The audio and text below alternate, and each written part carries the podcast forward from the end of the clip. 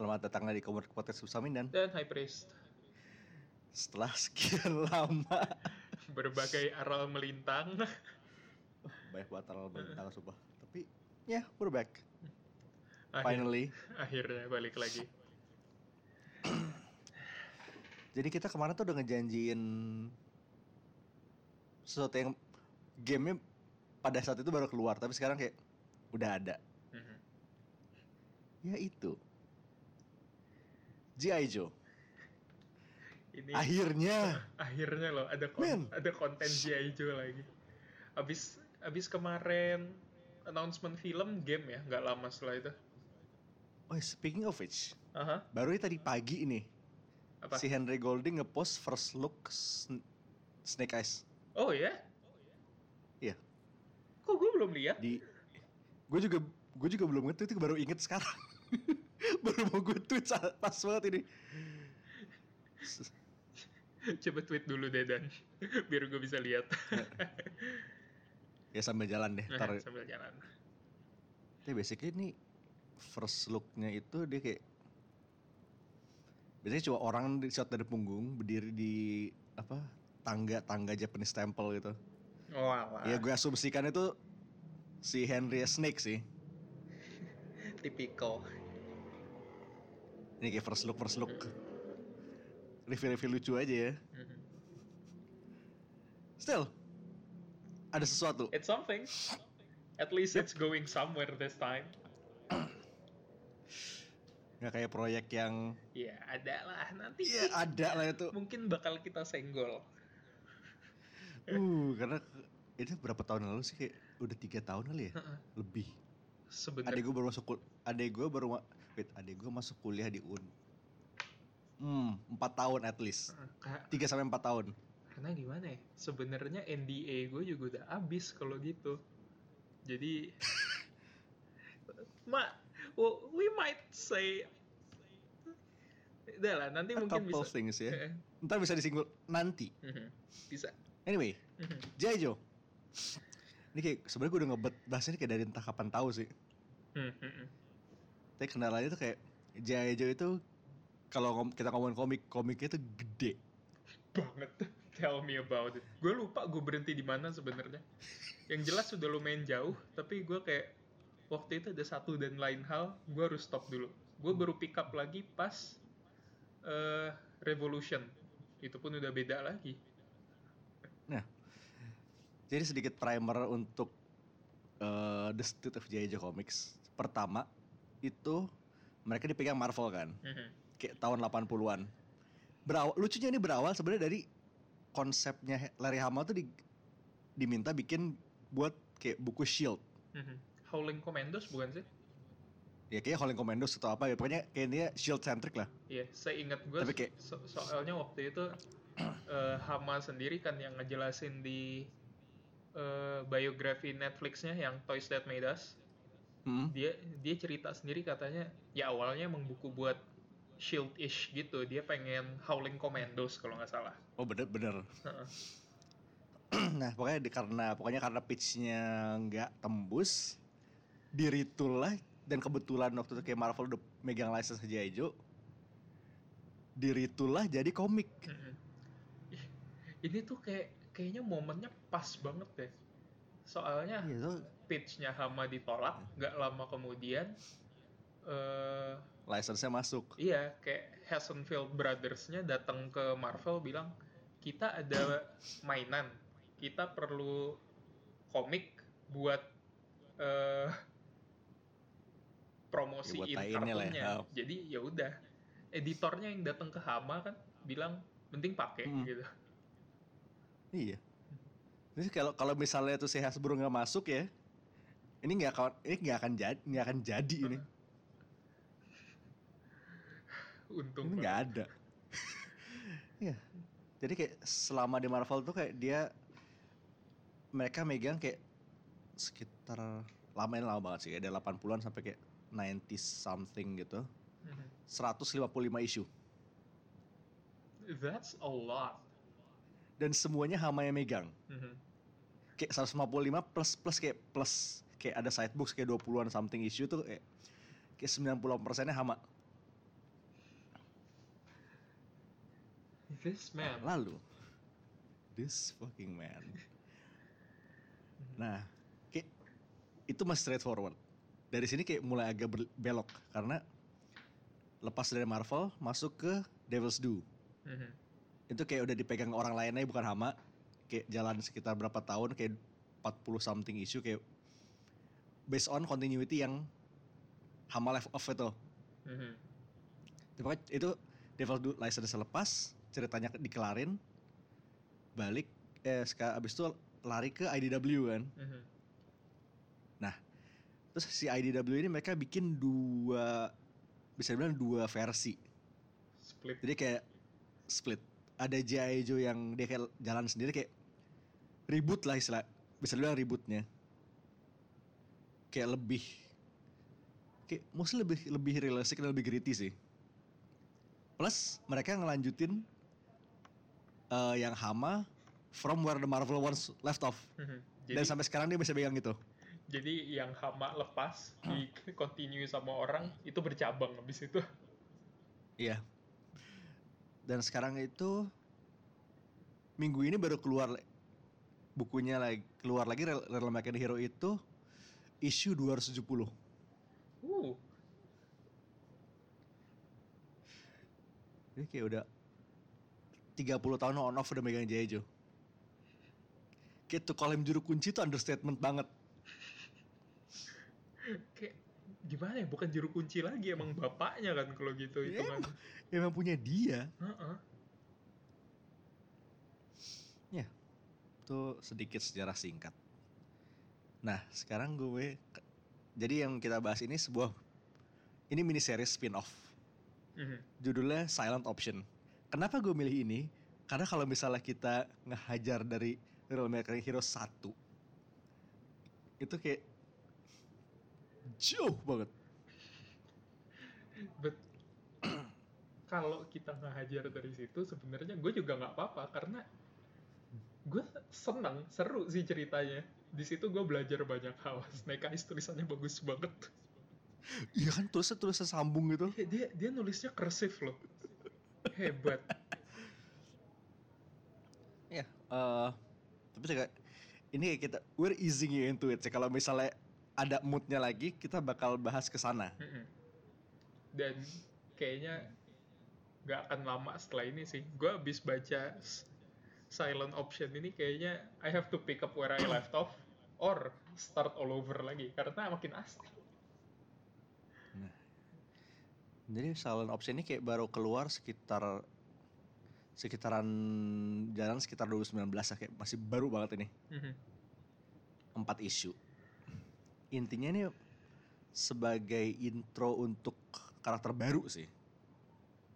Namanya Helix. Mhm. Kalau lu pernah dengar itu ini sejarahnya lumayan unik karena dia awalnya mulai dari nongol dari game, Iya, dia dari gamenya Rise of Cobra. dia tuh bukannya itu dulu ya. Kayak konsep artnya nongol pertama untuk film. Ter- Mm. Terus di film akhirnya nggak ada, baru di game. Tuh jadi kayak Nah iya. Ini kayak proper dilempar-lempar. appearance pertamanya di, dari game. Heeh. Kayak dari situ baru dia kayak nongol di komik yang IDW reboot itu. Kayak setelah lumayan lama nih kayak dia Rise of Cobra tuh ya 2000 berapa ya? Eh, Rise of Cobra tuh yang pertama kan 2009 Pertama. bukan sih? Yes 2009. Ya kan? Mhm. Jadi kayak terus dia nongol di G.I. Joe yang IDW tuh kayak ya lumayan lama terus kayak baru sekarang ini 2019 ini dia dimasukin ke continuity-nya si Hama ke Real American Hero. Gila perlu satu dekade ya. Kurang lebih kayak Hmm. 10 tahun baru nyampe Mhm. main kayak quote unquote main continuity lah. Mhm. Terus kayak ini kayak bisa jadi jumping on point juga sih karena kayak minimal lo lihat ya what they're all about gitu. Itu dulu. Mhm. Kayak kalau udah suka nyemplung lah itu lu pada ke ke yang 100 270 isu itu. Bakalan ada kayak kalau lu nyangkut ke satu karakter, lu bakalan banget. lu bakalan makin dalam sih. uh dalam sekali in any case Helix ini sebenarnya Oke, so where do we kayak di begin? luar di obvious Snake Eyes sama Scarlet ya ini kayak salah satu karakter desainnya yang paling gue Hmm. suka sih ya pokoknya ntar nyemplung ke 270 isu itu. Anyway, silent option ini dipakai kayak semacam jadi jumping point buat pembaca baru plus introducing Helix ke kalau itu Real American Hero. Nah, Hmm. Helix ini kayak di luar di obvious Snake Eyes sama Scarlet kayak dia kayak quickly becoming kayak one of my favorite Joes gitu. awalnya tuh gue habis baca silent option ini kayak ngelihat dia tuh gila Mary Sue banget ya segala macam bisa tapi ternyata ada complexity karakternya juga Nah, iya. jadi.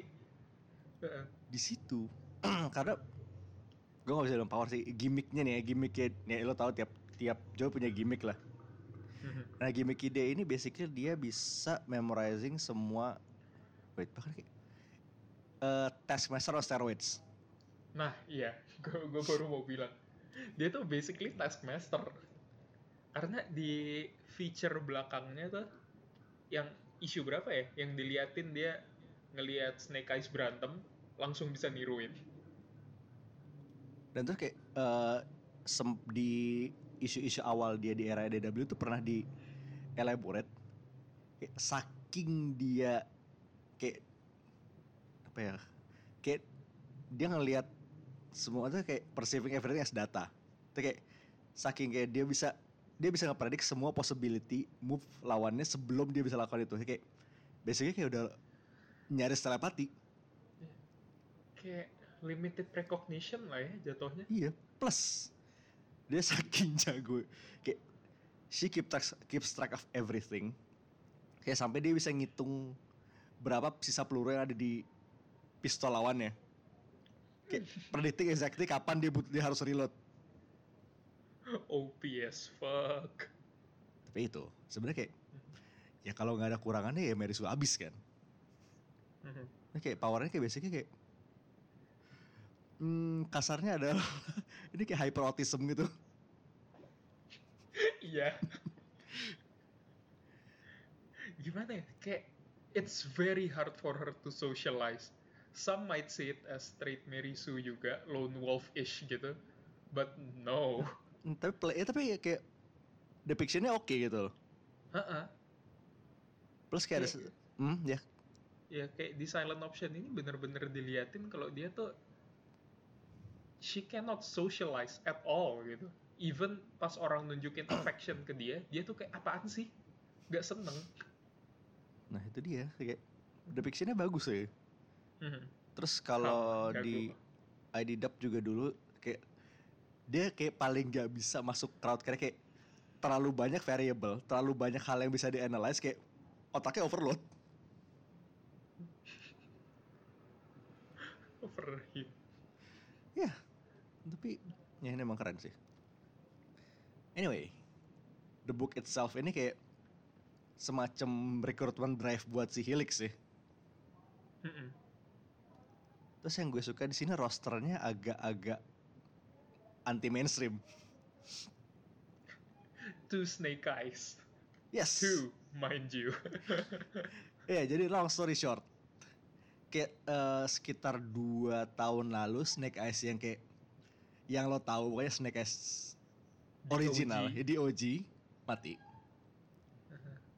Nah, a moment of silence to our fallen brother. nah, kayak gak lama setelah dia mati tuh anak dari Vietnam War badinya itu masuk ke Jeju. Kayak dan di battle yang sama dia mati mukanya kebakar. Uh. Jadi kayak buat menipu Cobra seakan-akan dia masih hidup, si Shan ini dikasih lah codename sama kostumnya Snake Eyes. Satu. Yang dua ini cewek. Namanya Don Moreno. Dia itu tadinya itu direkrut sama Cobra buat jadi Oke. eh, di tour dikit kayak di awal-awal runnya Hama itu si Cobra tuh sempet kayak ngambil brain scan-nya Snake Eyes. Nah, brain scan itu literally 30 tahun kemudian kayak in real time diungkit lagi buat si Donnie jadi kayak Snake Cobra tuh mau bikin Snake Eyes mereka sendiri lah intinya. Storm Shadow wasn't enough. Yep.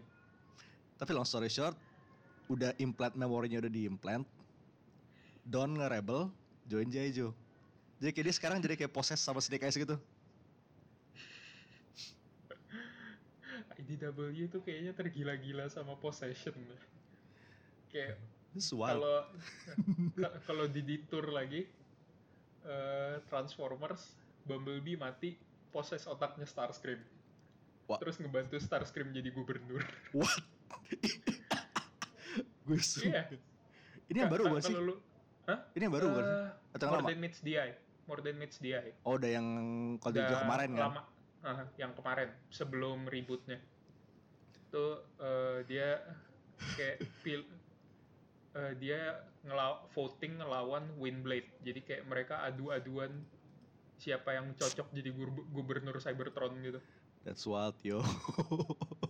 it's, That's it's so wild.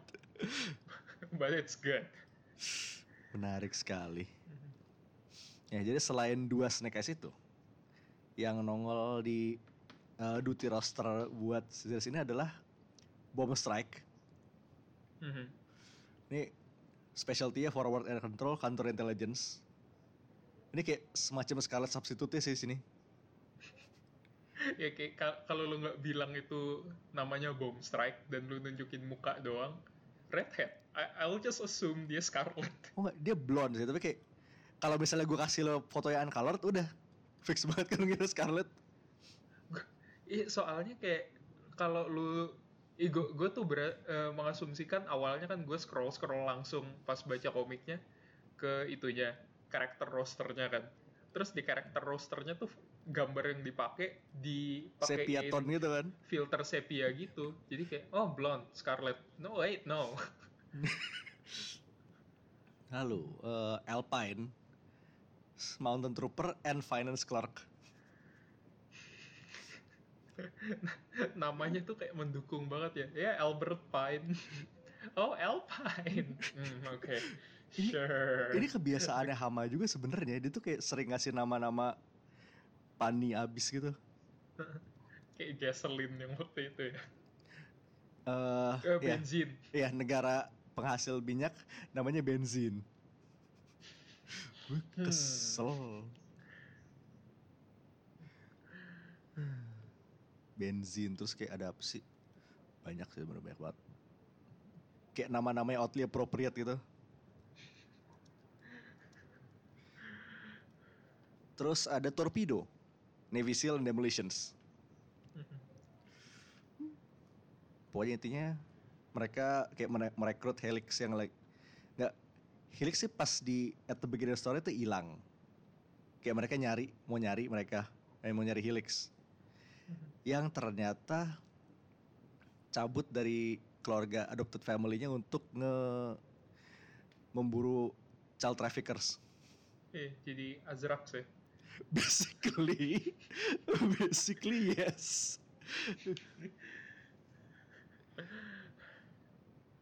ya, itu dia. Ini kayak empat isu tapi Kayak- pack banget loh. Gue suka. gimana ya kayak awalnya cuma nyari terus lama-lama jadi extraction abis itu jadi revenge that's a lot Ya, a lot to pack in kayak four issues kayak empat isu plus kayak backup feature originnya Helix tuh kayak se per isunya kayak lima halaman. cuman hama yang bisa Terus saya tuh gak ada saya sih. eh, cover art buat yang backup feature Helix tuh bagus banget. Iya, artnya bagus banget, nggak akan bohong. Ya. Kenneth Loh. Itu kayak bahan-bahan graphic t-shirt Uniqlo gitu gak sih? Bener sih. kan? Ini Hawkeye Kenneth Loh tuh kayak karakter Sean Gordon Murphy gitu. Kotak bentuknya. Iya. Balok banget. Wah, ini banyak banget cool moment sih. Dari gue dulu deh. Mhm. Ini kayak salah satu kayak pertama kali ini timnya Bomb Strike ketemu Helix. Itu kayak dia ngeliat dari security camera footage. Kayak just doing Ah. John Wick shit gitu. Mhm. I- itu keren sih itu kayak strong introduction buat mereka John yang nggak tahu apa-apa gitu shit. bener-bener nunjukin Helix tuh badass Itu keren banget sih.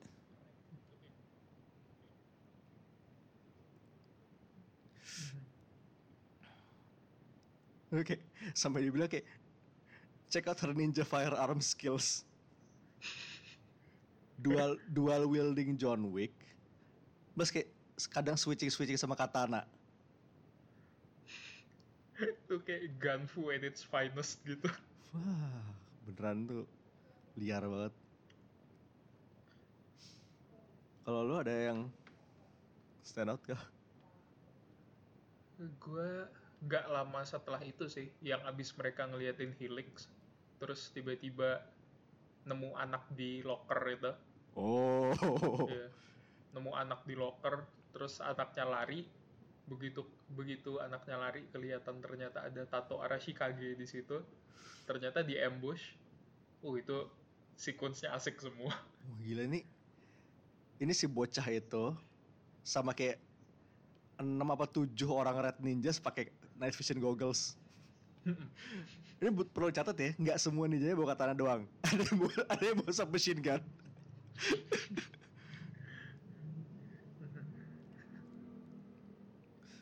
tapi tapi ini solusinya si throwdown, solusinya si Shan ini buat lampu dimatiin dan lawan mereka pakai NVG itu adalah ngelempar incendiary grenade. Hmm. Satu ninja itu bener kebakar. kayak di situ juga gue langsung ngerasa oh shit this comic is very graphic karena di awal-awalnya juga ada gangster yang di black dan segala macamnya Ini kayak bahkan kayak buat Jayo sana sih kayak lumayan grafik loh. Mhm. Oke terus si pas sebelum ketemu si anak di locker itu ada cameo MLP.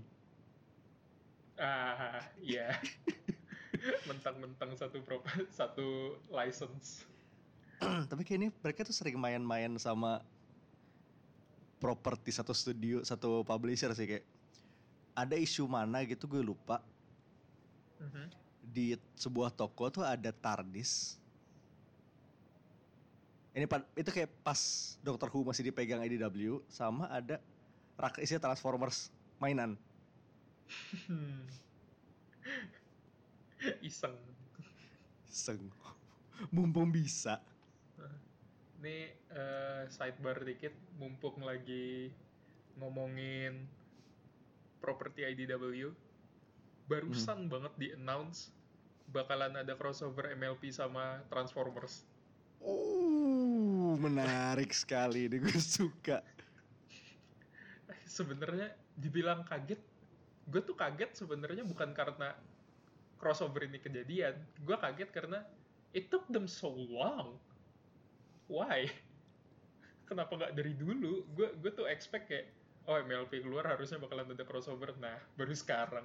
But ya. Oke, jadi by this logic nih ya. Mhm. MLP bisa crossover apa TMNT? Ah, akhirnya gue bisa bangun dream team gue.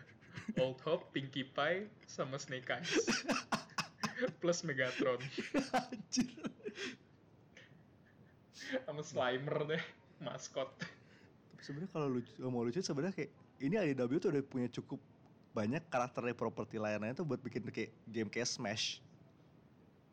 Iya. Gini-gini lo punya Ninja Turtles, lo punya MLP, lo punya Jaijo, Transformers, Hasbro Hasbro yang lain. Plus kalau mau lo bisa tarik Power Rangers. Mhm. He-Man juga kan. Oh iya He-Man juga. Tunggu, Oh. He-Man itu He-Man, oh He-Man di DC. Oh, He- oh He-Man DC ya? Oh iya, iya, oke oke. Ya, tapi still Mhm. Di DC juga mereka bisa ngerembet-rembet. Kemarin abis atau masukin Justice lah itu. Heeh. by association lah. Human on Injustice no that's an idea.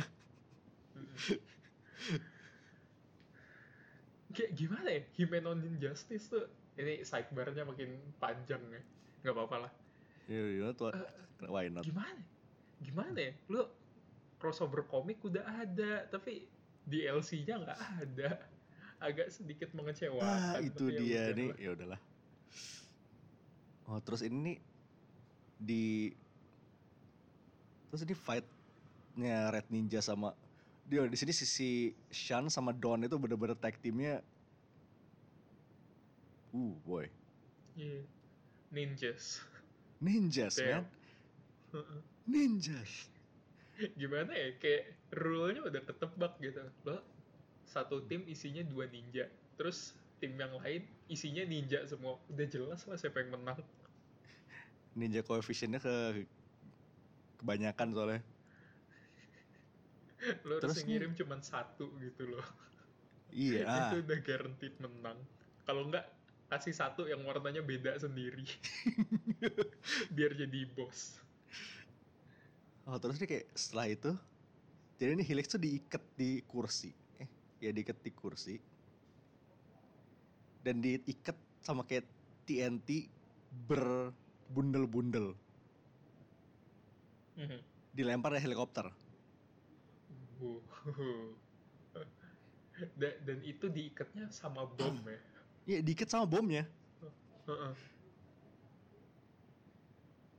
terus kayak kayak kayak tim Josen Iwo tuh kayak Hah that 26 of TNT at least she's going to hit the edge of the oil rig Itu kayak exposition mode semua. Terus kayak setelah itu kayak dia sat- satu page sendiri nih dia ngelepasin tali-talinya ngelepasin bomb vestnya terus kayak dia ngedive duluan itu kayak some Houdini level shit gitu loh. Houdini as fuck Mhm. Tuh padahal abis lepas dari bomnya pun dia bakalan masih kena Mentok. ujungnya iya menti, kebentok mentok kerik keriknya. Terus begitu dibantuin sama torpedo dia masih ngamuk. itu ya Seansos itu jadi manusia. Oke, dari lo adalah Sam. ya Kayak di satu titik itu ngeselin, tapi di satu titik yang sama kayak ya gue juga ansos sih jadi relatable a bit. Don't touch me.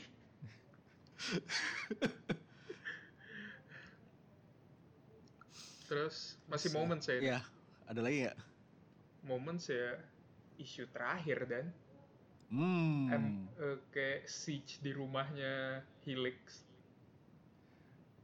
si C ini gila banget sih jadi sekedar background aja ortunya Helix bukan orang biasa juga Mhm. kayak dia ditempatkan sama orang-orang yang tepat. bapak bapak angkatnya itu tentara emaknya eh, juara martial arts MMA. Eh, eh. di rumahnya ada di rumahnya ada panic room Nah, tuh tunggu, ini baru bapak sama emaknya doang. oh iya ad- Terus dia punya adopt adoptive sibling tuh kayak computer wizard gitu kan? Yep. Udahlah dia up, dia bisa absorb apa pun ditaruh di keluarga kayak gitu, ya udah hasilnya gini.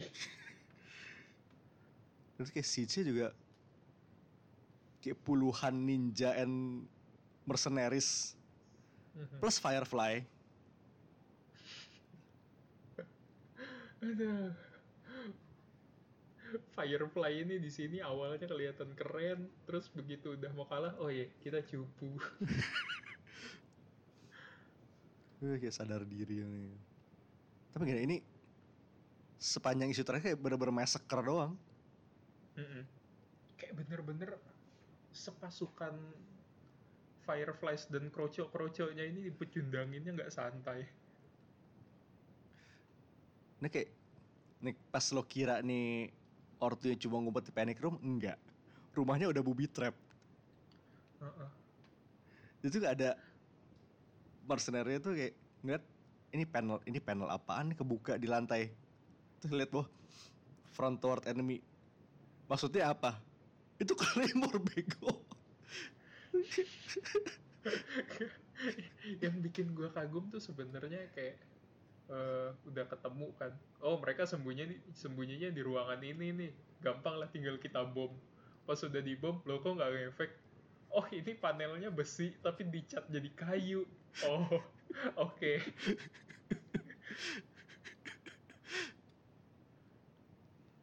Sumpah kayak bener-bener se sejago itu pakai or, sampai ortunya itu loh. Keren memang Gila bener.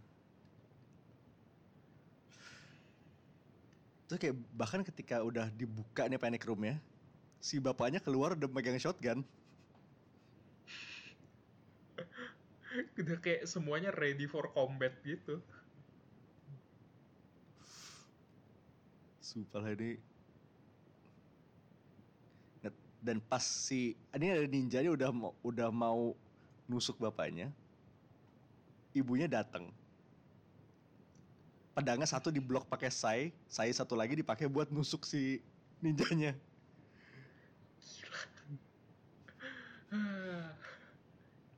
keren nggak santai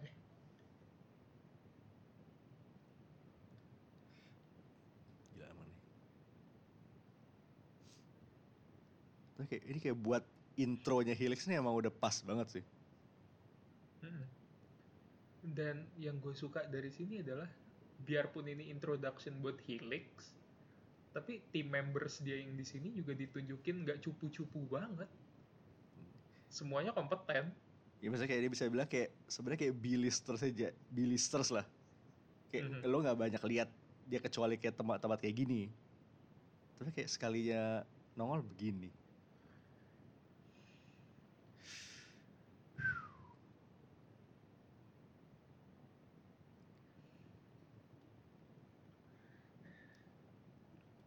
To see them work as a group mm, nice Emang, emang di situ sebenarnya kayak intinya di situ. Mhm. Emang lari hama tuh ya. Which brings us to our tangent. Ini kayak gue mau me kayak setting aside the obvious kayak ini ya Duke, Snake Eyes, Scarlet dan kawan-kawan kayak selain itu kayak who's your favorite Joe? uh udah nih ya Udah kita masuk ke segmen favorite jokes hmm ini continuity mana aja kan ya mana aja. Skywarp Hmm, gue udah expect. udah ketebak banget deh ya. Tuh. Tuh gue terima, gue terima. G.I. Joe-nya si Aubrey kan, Aubrey, Aubrey itu sayang sayangnya Aubrey itu eh, karena satu dan lain hal terpaksa cut short. Padahal asik sebenarnya. It's fun it's wild. Terus lu kapan lagi lu bisa ngelihat Transformer especially a Decepticon bisa jadi agen G.I. Joe? Itu kayak, gila itu.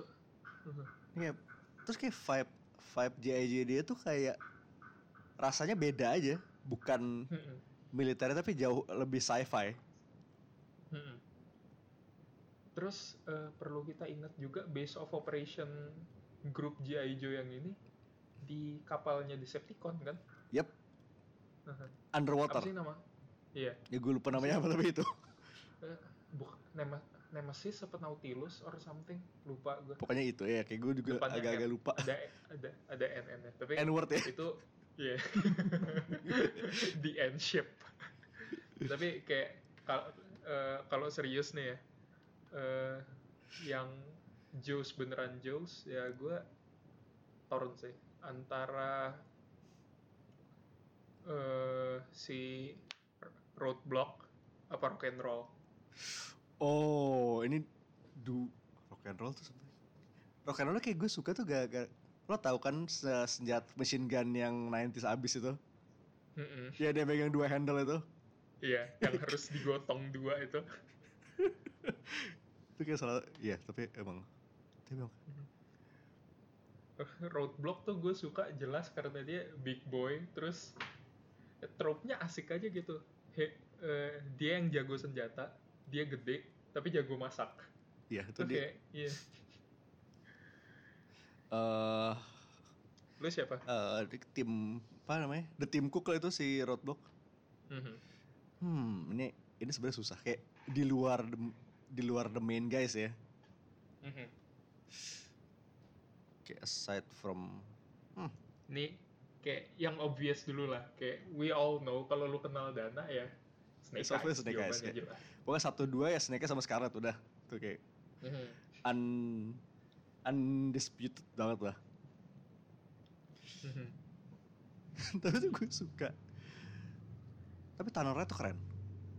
apa Tunnel Red oh Tanoren Iya. Hah. tuh si eh, Hama juga sempat ngaku tuh kayak dia semacam quote unquote self insertnya dia juga sih. Tanoren tuh. Mukanya emang based on dia.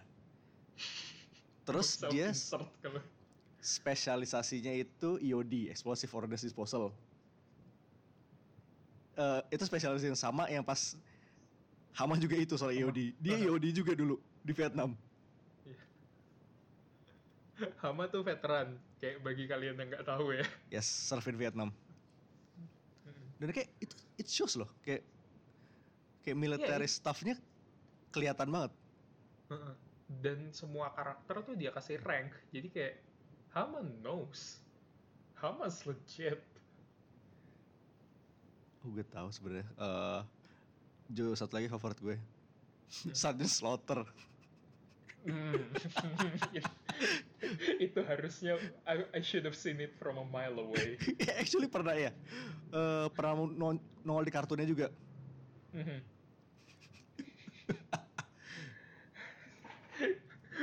bagi kalian yang nggak tahu Sergeant Slaughter Ya, itu pegulat. Mhm. dan kalau lu nanya counterpart G.I. Joe-nya kayak apa it's himself Persis. it's himself literally persis. Mhm. Terus fun fact juga. eh Rowdy Roddy Piper pernah dapat figur G.I. Joe juga. oh iya Yep. Dia jadi air, air grenadier, eh, anak buahnya Destro.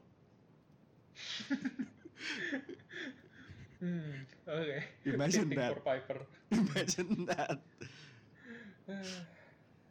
Sebenarnya kayak eh yaudah ini sidebar lagi kalau ada satu orang dari WWE yang berhak masuk. Joe it's gotta be Cena. Ini Hmm, and he could have been Hmm, could have been, he could very well been. Ya siapa tahu ntar ini kan technically kan ntar dia aja ribut nih. mhm. Ya siapa tahu. Gitu.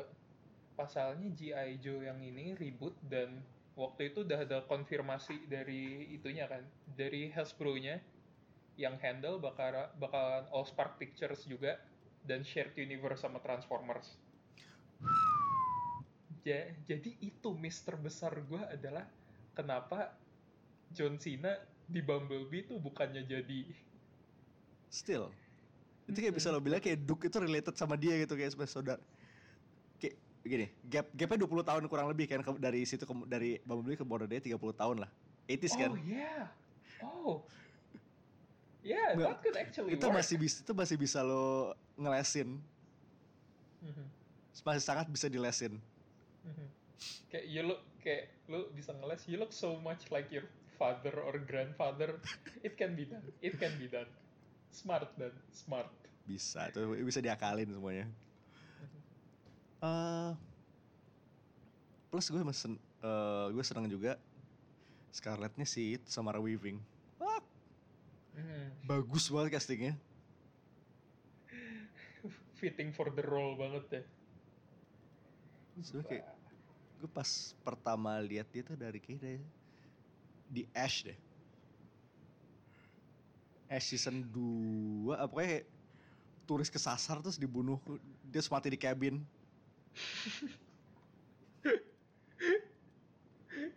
exposure-nya dari situ exposure exposure ngenes banget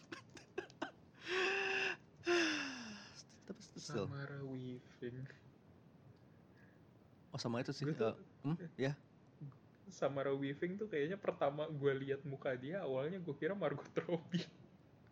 mirip banget doesn't help dia juga Australian sih. Eh, Apa-apa tadi Dan? Pon oh iya pona ponakannya sih itu ponakannya Hugo Oh iya? Iya. Oh, huh, the more you know. ntar jadi anaknya si itu juga kan anaknya ya Bill Ted Bill Oh, oh dia ya? Oh astaga lupa gue.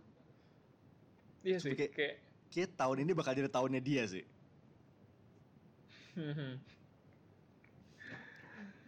we don't mind, we, We don't, mind. we definitely don't mind itu kayak dua eh pakai tiga lagi yang gue suka tuh Beachhead kayak for his nggak tau kayak badassnya kelihatannya Siapa Beachhead? iya Hmm. Beachhead eh quick kick because eh, karena di salah satu kayak di komiknya Aubrey juga he fought Snake Eyes to stand still Mhm. Itu standstill ya? Bukannya kayak Snake Eyes juga nyari stepar sama dia? kayak pokoknya kayak belum kayak belum ada yang menang tapi kayak udah kelihatan equalnya kan Hmm? kelihatan equalnya kan kayak ya kayak Mhm. bukan 50 kayak kayak lima lima empat lima lah beda beda beda beda tipis Mhm. sama Chuckles karena dia ngakunya undercover agent tapi selalu pakai Hawaiian shirt gue nggak ngerti sih kenapa dia nggak pernah ketangkep Aduh. Gue kalau gitu nambah satu lagi deh. ya Shipwreck. ini kayak dia literally kayak cuma sailor di- ditaruh di Mak- makanya shi- Shipwreck could literally be anyone. He could be any sailor.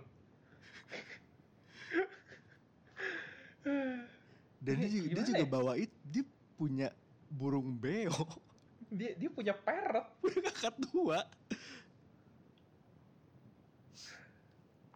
because because why not sih Mhm. Terus ini satu, ini satu nama yang satu nama yang munculnya lumayan ajaib. Mhm. Jadi ada pilot stealth, ada stealth pilot namanya Ghost Rider. karena kebetulan karena kebetulan namanya sama sama yang itu, Mhm. kayak tiap kali nongol itu orang-orang selalu lupa. Iya, iya. s- Tadi si stealth yang itu baru launch. Ini kayak nggak nggak ada yang pernah inget namanya. Ah, truly a Ghost Rider. Itu padahal kalau mau ganti nama jadi Phantom Stranger juga orang nggak akan ada yang kaget kali. Terus emang dia kayak gimmicknya ada kayak. Em, dia emang sengaja membuat dirinya unnoticeable. Kayak Kurokonya Gyaijo gitu. Kurokonya G.I. Joe. dapat, dapat, dapat. Plus fun fact, eh, Wild Bill pernah muncul di Earth Mighty Heroes. Oh, really? Pokoknya gue pernah inget tuh ada episode ada helikopter pilot pakai eh pakai topi koboi sama pakai kacamata. Ih, siapa lagi? Oh. Oke.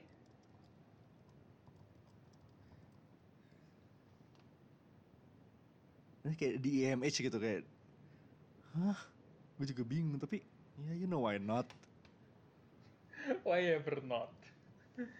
Kenapa tidak? Ini kayak pas gue liat kayak ini kayaknya tahu. Ya kayak Wild Bill tuh kayak ya dia Texan, dia pakai topi cowboy. Tapi naik helikopternya why not sih? That's what's fun about G.I. Joe. Karakternya mishmash banget, Mish- but Outlandish banget tapi kayak ya you know what it works. you love them in the end. You love them. Nah, itu dia kayak biarpun ya judulnya sebenarnya kan military figures. Tapi begitu lo sekali Hmm. lihat orangnya itu pasti udah ikonik. No kayak no to Joes are the same gitu. Dan emang dan pas gue bilang banyak banyak kayak at least nih ya lim, mungkin 50 ada. Dan terus kayak si Hama itu kayak ngerolling cast-nya kayak every so often. Jadi kayak He hampir semuanya punya. Ya, iya. Hampir semuanya minimal punya itu, punya spotlight lah. Dan kayak he's been doing it for like 30 plus years. Mhm. Kayak something only Hama could do. Literally only him. Ya, karena cuma dia yang nggak kayaknya seinget gue nih dia salah satu run paling panjang kayak for one single creator on one comic deh. Karena gue belum kepikiran lagi siapa yang bisa yang se nyampe segini lama. Kayak satu writer yang megang satu lini komik dan isi orangnya banyak tuh writer Transformers obviously model-model Simon Foreman, James Roberts Ya. gitu dan mereka pun ada beberapa karakter yang abis mereka pakai sekali dua kali langsung fade into obscurity aja. Emang Dan- cuman Hama doang yang Dan bisa. itu kayak model-model Verpan juga kan kayak mungkin kayak nyampe 30 tahun juga kan. Nggak 30 tahun sama literally ratusan issues. Iya. Oh sama itu sih paling ya. Eh Stan Sakai gue bisa bilang. Hmm, ya Sakai. He, he he's actually pretty good at narik narikin karakter lama ke baru tuh dia jago. Probably just him, I guess. Iya kan? Terus ini kayak satu ini satu contoh aja nih ya. Eh jadi ada se- Joe namanya Sneak Peek. Dia recon. Jadi ma- supposedly mati di jadi sneak peek ini mati itu di issue 113 tuh kayak tahun 80-an lah. Kayak 90s awal. Mhm. Terus kayak 2000 kayak 3 atau 4 tahun yang lalu di reveal ternyata hidup. Kayak dikirim karena dikirim ke undercover mission. Di mana kayak dua tahun kemudian dia kayak died for real di, di mission itu. I died, but actually I'm still alive. But to die again. Hidup untuk mati. Sobat komik ternyata. ya. Jojo is fun. Kayak mitologi dalam banget. Mm-mm. But that's a part of why it's fun.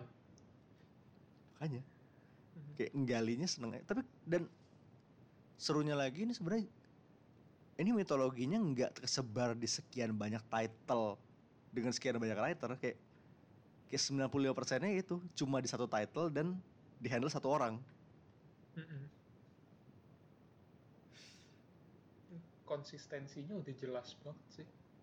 Oh wait, kalau gitu, I guess yang ada ca- bibit-bibit bisa jadi model Hama sama Sakai ya itu si Kevin Eastman, TMNT. hmm dapat sih itu yang paling baru masih dia megang gak sih kan udah Masih. oh tapi dia masih ada ya sa- sama Campbell Eh, jadi consultant ya tekniknya masih ada kontribusi udah teknik. masih bisa Heeh. menarik Karena kalau lo bukan ngelihat eh, dari IDW doang, dari Mirage terus ke atasnya lagi, dia sendiri yang megang semua rata-rata. Iya. Ya udah berarti udah kayak Turtles kapan? 90 something ya? Apa? Turtles pertama kali muncul. Eh, 80 80-an akhir bukan sih? Oh.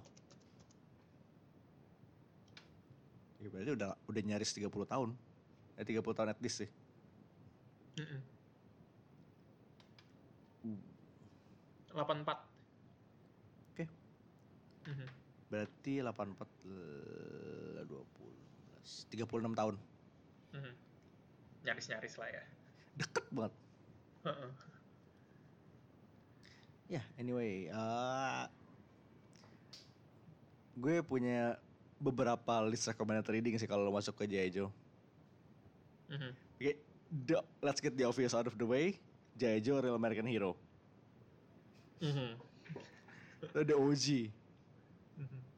Mhm. Quintessential. Nah, tapi kayak kalau lo butuh baca satu issue dulu nih ya. Issue 21, Silent Interlude.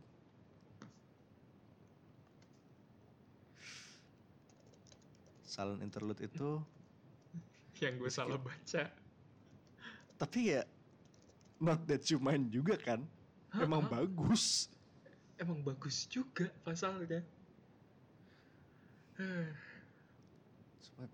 Interlude itu fully silent mhm. tapi kayak banyak banget plot points yang diambil dari situ itu reveal si Snake Eyes sama Storm Shadow itu blood brothers dari situ Mhm. revealed without a single word It's good. It's really good. Terus itu kayak satu isu yang sebenarnya kayak lo baca sendiri juga nggak apa-apa itu konteksnya udah ketahuan lah Mhm.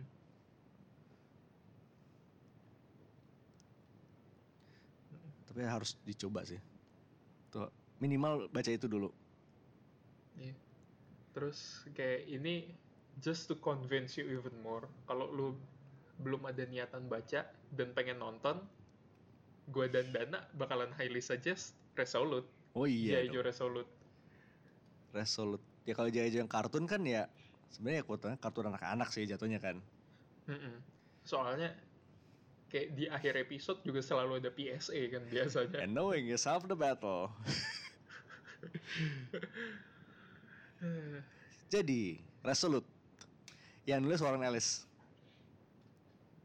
Mhm. director tuh Joaquim Dos Santos yang ini nama nama udah di mana-mana sih JLU Avatar Korra Defend apa Voltron Ya, kayak eh, veteran lah Kayak- di sini. Who's Who Who's Who-nya Iya. animasi modern itu Mm-mm. Dia juga di itu loh, ITSV, Spider-Verse. Tuh, ini yang sequelnya ya? Iya. Oh Iya. iya iya. Ya udah, kayak udah nggak usah di nggak usah di ragukan lagi sih. Gak usah ditanyain lagi lah, sudah jelas deh. Dan ini Resolute juga sebenarnya pendek banget, cuma kayak dua jam at most. Ini kayak Dua jam ya? ya kayak per episode kan cuma lima menitan. Mm-mm. 10 5 minutes episode and one 10 minutes final episode. Sejam bahkan. Sejam, Sejam makanya. tok. So short yet so good. So much, so many things happen. Uh-huh. Dan ini kayak Warren Ellis ngaku sebelum dia megang ini kayak dia belum pernah kayak belum pernah terekspos sama G.I. Joe. Mhm. Dan somehow this happened. Kayaknya Warren Ellis harus dikasih gig kartun banyak-banyak deh. Tapi sebenarnya kayak ini hal yang sama. Eh kayak dia sempat bilang juga dia belum pernah bersinggungan dengan Castlevania sebelum megang animatednya. Tuh kan. Dan Castlevania hasilnya bagus banget. Kayak ya udah emang udah ada magic touch sih di situ. Ini kayak Oh, res- Resolute, Resolute tuh yang productionnya ternyata Titmouse tuh. Iya. Pantesan bagus. Mouse Park. Anime. Tapi ini kayak ini emang semacam katalis kayak G.I. Joe yang lebih quote unquote realistik sih. Mhm. Dan emang keren banget. Kayak kalau mau adaptasi film G.I. Joe ya sebenarnya Resolute dijadiin live action, we wouldn't mind. Jadi. Tapi Uh-huh. sebenarnya kayak ada elemen-elemen Resolute nggak sih? Kayak sih di si yang dua apa namanya Renegades. No, Ya bukan Renegade. Renegades. Oh, Renegades itu animated series satu lagi. Retaliation. Retaliation. Kebanyakan Mhm. R. Iya. Iya, Retaliation. Pokoknya kayak the whole ngancurin kota dari orbital weapon and shit. Mm-mm. Retaliation tuh kayak it's pretty good. Cuma ya agak aneh aja rasanya. Mm-mm. Ya, eh Resolute bac- eh, nonton. Kayak cuma sejam. Tuh. You won't regret it sih. Mhm. Terus Definitely. yang dari tadi kita udah omongin Revolution. Mhm. Itu kayak sebenarnya bukan cuma bukan cuma G.I. Joe. Itu kayak lo dikasih satu lini mainan Hasbro disatuin. Mm-mm. Ini kayak nyaris semua Saturday morning cartoon eh Saturday morning cartoon yang pernah lu tonton dijadiin satu. Ini kayak bayangannya tuh kayak lo punya mainan banyak nih. Mm-mm. Terus kayak lu bawa ke lu bawa ke lu bawa ke belakang rumah. Lu mainin kayak sah siapa berantem sama siapa bebas. Hmm. Lo, lo, lo pengen ngelihat Cobra Commander ketemu sama Megatron, it's possible, it can be done. Yang rom rom ketemu Micronaut segala. Heeh. Mesh ketemu G.I. Joe. Itu salah satu hal terbaik kayak hal paling favorit gue yang keluar dari Jazz tuh kayak Action Man tuh kayak semacam jadi nyatu sama G.I. Joe. ah yes, the British G.I. Joe. Iya. Tapi emang gak salah, emang iya. Nyatanya memang iya. Yeah. It's fun. Highly recommended. Nah satu lagi ini, ini kayak komik yang lumayan gila juga sih. Joe vs Street Fighter. Hmm. It's good. Good shit. Not gonna lie. Ini kayak, ini exhalation exposure pertama gue ke Aubrey sih. Impresinya bagus banget. Iya. Dan sebenarnya kayak straight up turnamen komik kayak 90% plotnya berantem. Dan itu yang menyenangkan. Jadi kayak ini kapan lagi lo bisa lihat eh Snake Eyes ngelawan Crimson Viper? Ya sebenarnya kayak dream match sebenarnya masih banyak kayak di luar ini tapi what we got was fun. For what it is, fun. For sure. Soalnya tuh isinya ya Guile, Dan, Chun-Li, Bison, Cammy. Ada Rufus juga. Oh, dan Crockmaster jadi ikutan beran- ikutan di turnamen ya. Justru dia yang harusnya jadi karakter Street Fighter gak sih?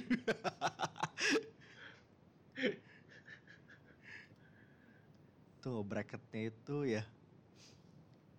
Itu turnamen itu 8 eh, 8 participant ya. Rufus versus Baroness. Hmm. Eh, Crimson Viper versus Snake Eyes. Hakan versus Roadblock. Ryu versus Jinx. Hakan versus Roadblock. Itu favorite gue sih, beneran. Chonky Kayak- voice.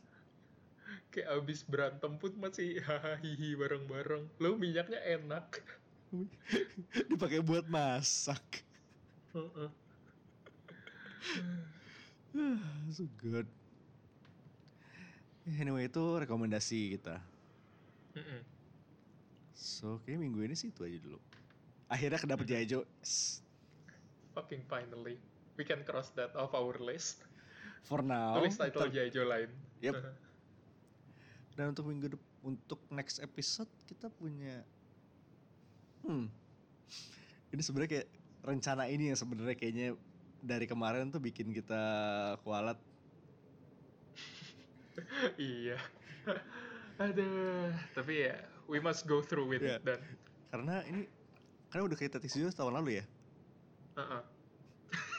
tahun lalu itu dia yang bikin kita kualat dan ya kan biarpun biarpun kayaknya tuh tunggu gue mau lihat teasernya dulu kayaknya Januari kita kan itu Januari gak sih Mm-mm. Yep berarti udah molor sebulan yep alright berarti emang udah disuruh sama empunyanya diburu-buruin Iya, iya, udah kita jadiin bahan bercandaan kita yang dibecandain. ya udah jelas lah ya. Harusnya kita ngomong gini udah ketahuan mau ngomong apa. Yang sering di delay itu loh. yang sering lihat saya podcastnya juga podcastnya juga kena delay Iya.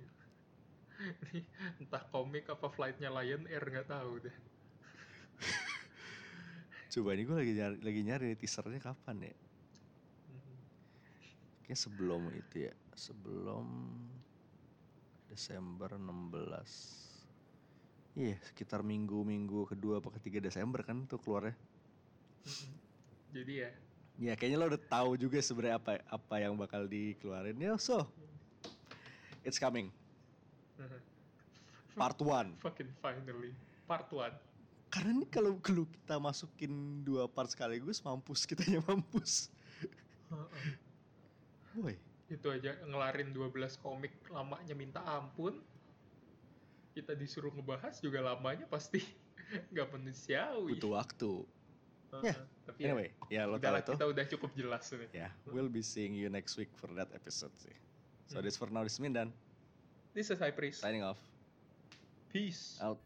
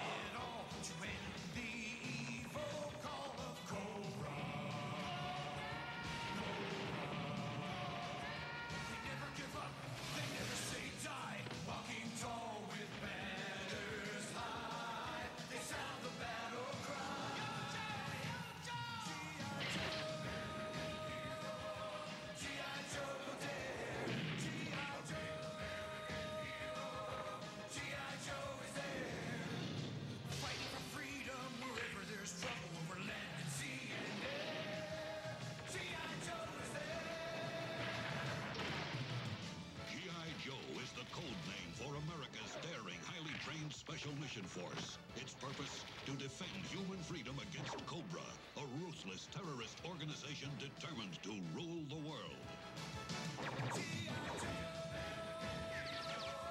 G.I. Joe